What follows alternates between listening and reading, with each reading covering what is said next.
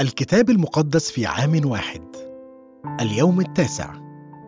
ثق في أن الله يصحح الأمور. نستمتع بيبا وأنا بحل الكلمات المتقاطعة. وعندما نقف أمام إحدى الكلمات الصعبة لا نيأس بل نتقدم نحو الكلمة التالية. في كل مرة نجد فيها إجابة تساعدنا على حل بعض الكلمات الأخرى. في النهاية أحيانا نقدر أن نحل معظم اللغز رغم أننا نادرا ما استطعنا أن نحله كله. بصورة ما تشبه قراءة بعض من الأجزاء الصعبة في الكتاب المقدس محاولة حل لغز الكلمات المتقاطعة. فبدلا من أن تنغرس في مقطع به فكرة عويصة يمكنك استخدام المقاطع التي تفهمها بالفعل لتساعدك في حل بعض المقاطع الصعبة. غالبا ما أجده يسيرا أن أفهم بعض الفقرات الصعبة في الكتاب المقدس بل وأن أفهم أيضا لما تحدث أمور معينة في عالمنا. يبدو أنه يوجد الكثير جدا من الظلم وما من إجابات سهلة. أحب السؤال الثاني العظيم في قراءة الأمس. أديان كل الأرض لا يصنع عدلا؟ يمكنك أن تكون متاكدا من أمر واحد وهو أنه في اليوم الأخير عندما ينكشف كل شيء سترى قضاء الله الكامل وسيقول كل واحد هذا صواب تماما. لدى الله كل الأبدية ليصحح الأمور. في الوقت الراهن نصارع مع الكثير من الألغاز الصعبة التي لم نستطع بعد أن نحلها.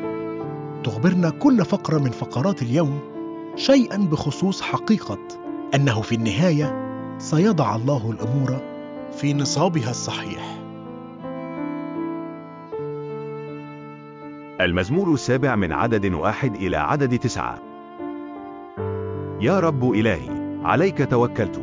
خلصني من كل الذين يطردونني ونجني لئلا يفترس كأسد النفس هاشما إياها ولا منقذا يا رب إلهي إن كنت قد فعلت هذا.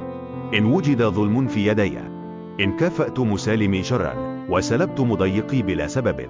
فليطارد عدو النفس وليدركها وليدس إلى الأرض حياتي وليحط إلى التراب مجدي. قم يا رب بغضبك. ارتفع على سخط مضيقي وانتبه لي. بالحق أوصيت ومجمع القبائل يحيط بك. فعد فوقها إلى العلا. الرب يدين الشعوب. اقض لي يا رب كحقي ومثل كمالي الذي في. لينتهي شر الأشرار وثبت الصديق. فإن فاحص القلوب والكلال لها البار.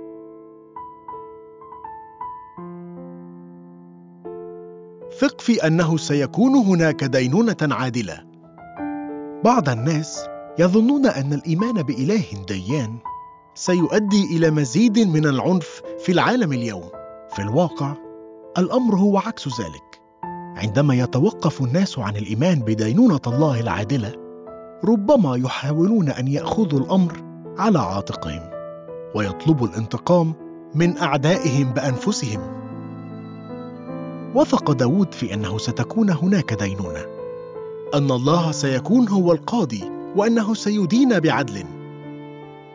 ازدحم متهمية في قاعة القضاء.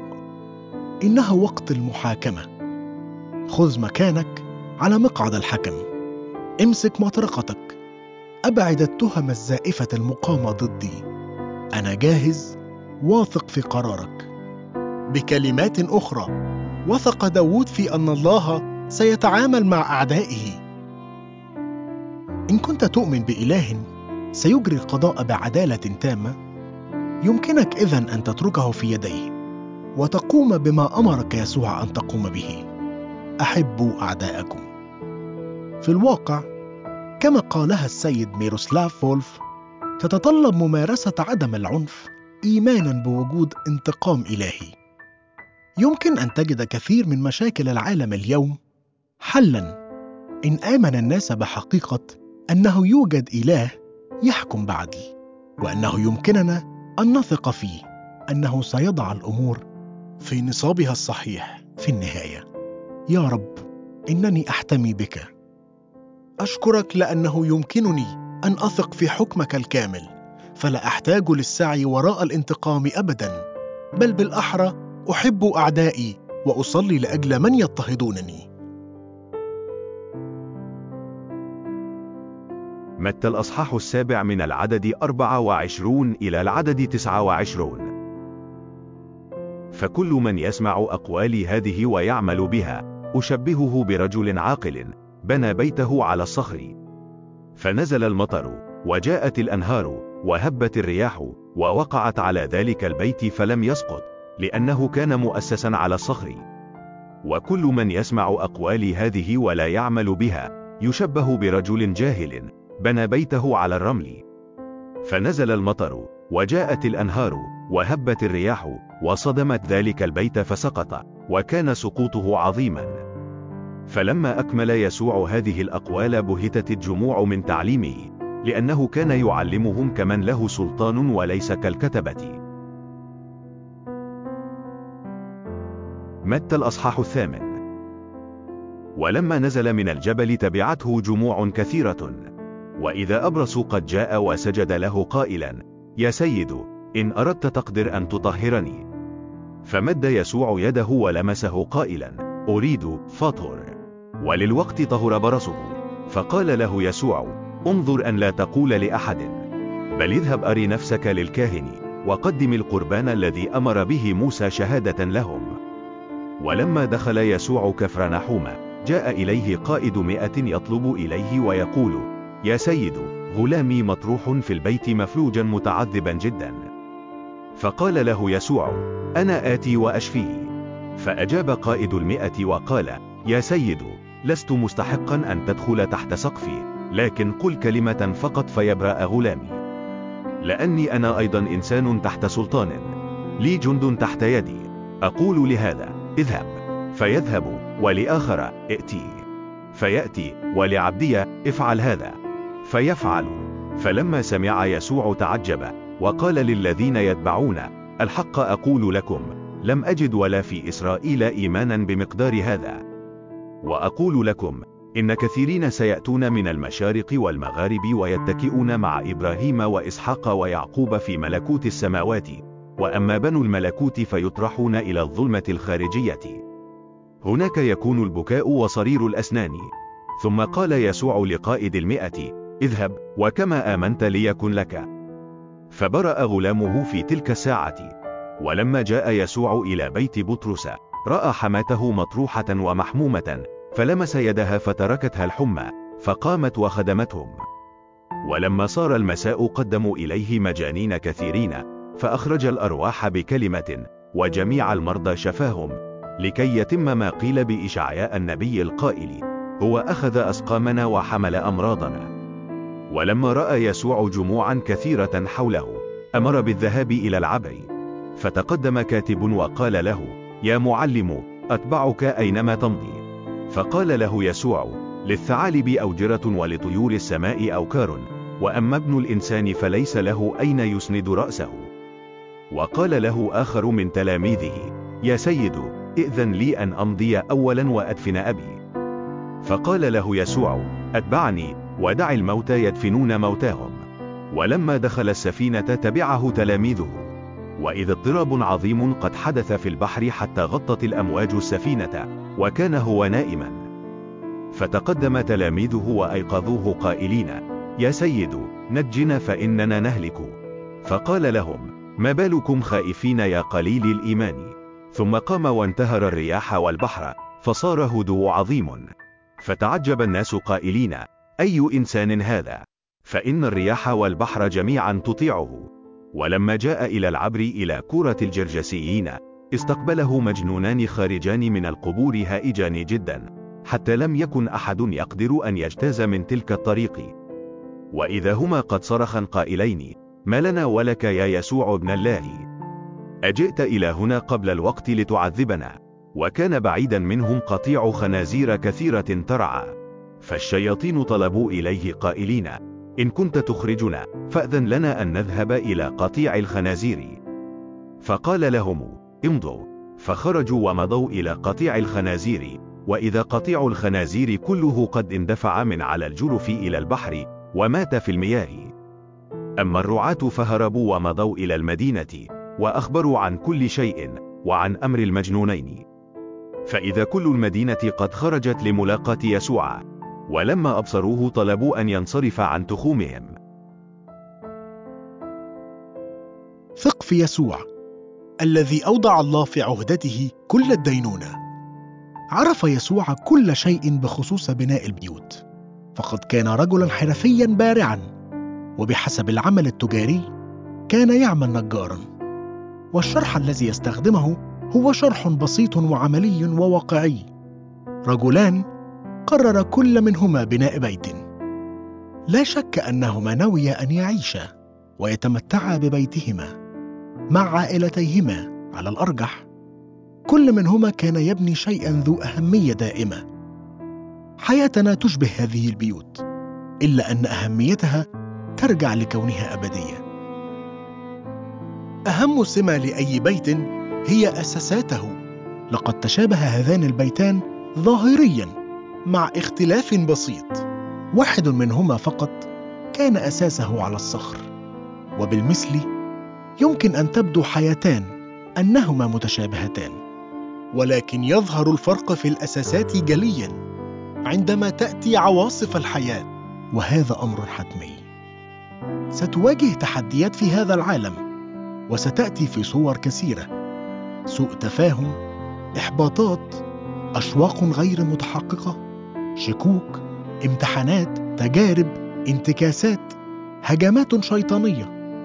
حتى النجاح يمكن أن يكون امتحانا أيضا. كما يوجد ضغط أيضا ومعاناة ومرض وحرمان وحزن وصدمات نفسية ومآس واضطهاد وفشل. في النهاية سنواجه كلنا الموت ودينونة الله. تستخدم صوره المطر الفيضانات الرياح في حسقيال لتشير إلى دينونة الله. لكن لغة الدينونة ليست مقتصرة على العهد القديم. هنا وفي أماكن أخرى يحذر يسوع من الدينونة الآتية كما يفعل سائر كتاب العهد الجديد الآخرين. عندما نزل المطر وجاءت الأنهار وهبت الرياح ووقعت على ذلك البيت لم يسقط البيت المبني على الصخر. ولكن ذلك المبني على الرمل سقط وكان سقوطه عظيما. توجد هنا كلمات تحذير مهيبة ربما تكون المحاكمة أثناء هذه الحياة وربما تأتي في يوم الدينونة. الشيء المؤكد بحسب يسوع هو أنها ستأتي. لكنك لست بحاجة لأن تحيا في خوف فليس هذا سهلا ولكن هناك طريقة تتأكد بها من أن أساسات بيتك عندما يتم امتحانها ستقف ثابتة. من الممكن أن تعرف أن مستقبلك مؤمن. يخبرنا يسوع أن الاختلاف الجوهري في هذا هو أن الرجل الحكيم لم يسمع كلمات يسوع فقط بل أيضا يعمل بها. بينما الرجل الغبي من ناحية أخرى رغم أنه يسمع كلمات يسوع. إلا أنه لا يعمل بها. ينبغي أن تقود المعرفة إلى الفعل. ينبغي أن يؤثر تفكيرنا اللاهوتي في حياتنا وإلا يكون البناء على الرمل. كلمات يسوع هي عبارة في المقام الأول عن دعوة للإيمان به. خلاصنا يتم بالإيمان بيسوع وهو إيمان تتم المعيشة فيه بالطاعة. يمكنك أن تثق ثقة تامه في دينونة يسوع لأن له سلطان الله ذاته. كان يسوع متعجبا من إيمان قائد المئة به فقال الحق أقول لكم لم أجد ولا في إسرائيل ايمانا بمقدار هذا. أتى الدليل على هذا الإيمان؟ لأن قائد المئة آمن أن كلمة يسوع وحدها كانت كافية لأن تشفي خادمه. كان الأساس المنطقي لإيمانه هذا عميقا.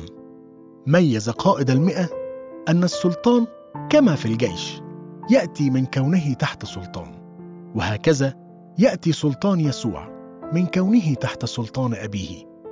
لقد رأى قائد المئة أنه عندما يتكلم يسوع يكون الله هو المتكلم. أيضا لم يعش هذا القاضي الكامل بمعزل عن المعاناة الإنسانية فنحن نعرف أن يسوع اختبر الظلم والحبس والتعذيب والصلب. ولكن في هذه الفقرة نرى أنه اختبر التعامل مع المرض أيضا بل وحتى عدم وجود منزل له. هناك القليل من معاناة البشر الذي لم يختبره يسوع بنفسه. أشكرك أيها الآب لأن يسوع ليس فقط قادر على أن يتعاطف مع ضعفاتي بل وإنه مات أيضا لأجل خطاياي. محتملا لأجل الدينونة بحيث لا أحتاج أن أكون خائفا. التكوين الأصحاح التاسع عشر. فجاء الملاكان إلى سدوم مساء وكان لوط جالسا في باب سدوم. فلما رآهما لوط قام لاستقبالهما وسجد بوجهه إلى الأرض وقال يا سيدي ميلا إلى بيت عبدكما وبتا واغسلا أرجلكما. ثم تبكران وتذهبان في طريقكما. فقال لا بل في الساحة نبيت. فألح عليهما جدا فمال إليه ودخل بيته. فصنع لهما ضيافة وخبز فطيرا فأكلا. وقبلما اضطجع أحاط بالبيت رجال المدينة رجال سدوم من الحدث إلى الشيخ كل الشعب من أقصاها. فنادوا لوطا وقالوا له أين الرجلان اللذان دخلا إليك الليلة؟ أخرجهما إلينا لنعرفهما. فخرج إليهم لوط إلى الباب وأغلق الباب وراءه وقال لا تفعلوا شرا يا إخوتي. هو ذا لي ابنتان لم تعرف رجلا. أخرجهما إليكم فافعلوا بهما كما يحسن في عيونكم. وأما هذان الرجلان فلا تفعلوا بهما شيئا لأنهما قد دخلا تحت ظل سقفي. فقالوا ابعد إلى هناك. ثم قالوا جاء هذا الإنسان ليتغرب وهو يحكم حكما. الآن نفعل بك شرا أكثر منهما. فألحوا على الرجل لوط جدا وتقدموا ليكسروا الباب. فمد الرجلان أيديهما وأدخل لوطا إليهما إلى البيت وأغلق الباب. وأما الرجال الذين على باب البيت فضرباهم بالعمى من الصغير إلى الكبير فعجزوا عن أن يجدوا الباب. وقال الرجلان للوط من لك أيضا ههنا أصهارك وبنيك وبناتك وكل من لك في المدينة. أخرج من المكان لأننا مهلكان هذا المكان إذ قد عظم صراخهم أمام الرب فأرسلنا الرب لنهلكه. فخرج لوط وكلم أصهاره الآخذين بناته وقال قوموا اخرجوا من هذا المكان لأن الرب مهلك المدينة. فكان كمازح في أعين أصهاره. ولما طلع الفجر كان الملاكان يعجلان لوطا قائلين قم خذ امرأتك وابنتيك الموجودتين لئلا تهلك بإثم المدينة. ولما توانى أمسك الرجلان بيده وبيد امرأته وبيد ابنتيه لشفقة الرب عليه وأخرجه ووضعاه خارج المدينة. وكان لما أخرجهم إلى خارج أنه قال أهرب لحياتك لا تنظر إلى ورائك ولا تقف في كل الدائرة. أهرب إلى الجبل لئلا تهلك. فقال لهما لوط لا يا سيد. هو ذا عبدك قد وجد نعمة في عينيك وعظمت لطفك الذي صنعت إلي باستبقاء نفسي وأنا لا أقدر أن أهرب إلى الجبل لعل الشر يدركني فأموت. هو ذا المدينة هذه قريبة للهرب إليها وهي صغيرة.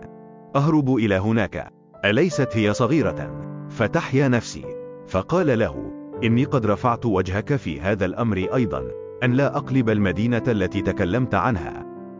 أسرع أهرب إلى هناك لأني لا أستطيع أن أفعل شيئا حتى تجيء إلى هناك. لذلك دعي اسم المدينة صغرى وإذ أشرقت الشمس على الأرض دخل لوط إلى صغرى فأمطر الرب على سدوم وعمورة كبرة ونارا من عند الرب من السماء. وقلب تلك المدن وكل الدائرة وجميع سكان المدن ونبات الأرض. ونظرت امرأته من ورائه فصارت عمود ملح. وبكر إبراهيم في الغد إلى المكان الذي وقف فيه أمام الرب وتطلع نحو سدوم وعمورة ونحو كل أرض الدائرة ونظر وإذا دخان الأرض يصعد كدخان الأتون. وحدث لما أخرب الله مدن الدائرة أن الله ذكر إبراهيم وأرسل لوطا من وسط الانقلاب.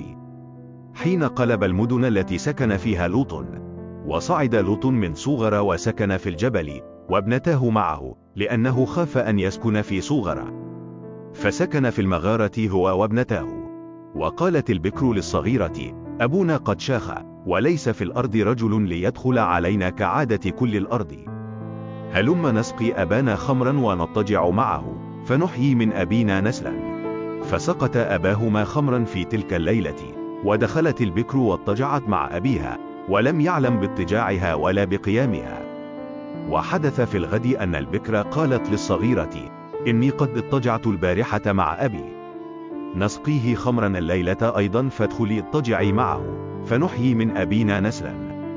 فسقط أباهما خمرا في تلك الليلة أيضا وقامت الصغيرة واضطجعت معه ولم يعلم باضطجاعها ولا بقيامها فحبلت ابنة لوط من أبيهما.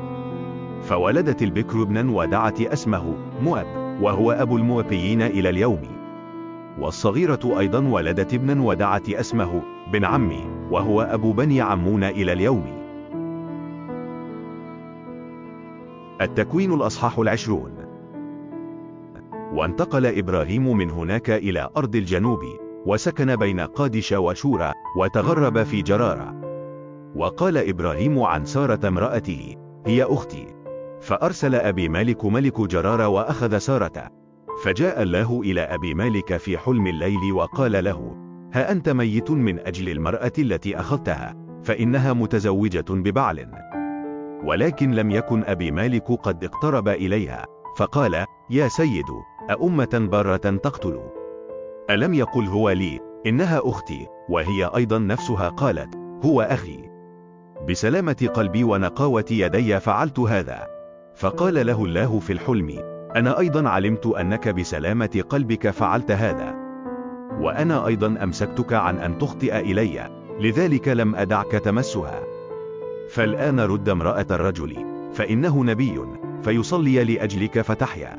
وإن كنت لست تردها فاعلم أنك موتا تموت. أنت وكل من لك. فبكر أبي مالك في الغد ودعا جميع عبيده. وتكلم بكل هذا الكلام في مسامعهم. فخاف الرجال جدا. ثم دعا أبي مالك إبراهيم وقال له ماذا فعلت بنا؟ وبماذا أخطأت إليك حتى جلبت علي وعلى مملكتي خطية عظيمة؟ أعمالا لا تعمل عملت بي. وقال أبي مالك لإبراهيم ماذا رأيت حتى عملت هذا الشيء؟ فقال إبراهيم إني قلت ليس في هذا الموضع خوف الله البتة فيقتلونني لأجل امرأتي. وبالحقيقة أيضا هي أختي ابنة أبي. غير أنها ليست ابنة أمي فصارت لي زوجة.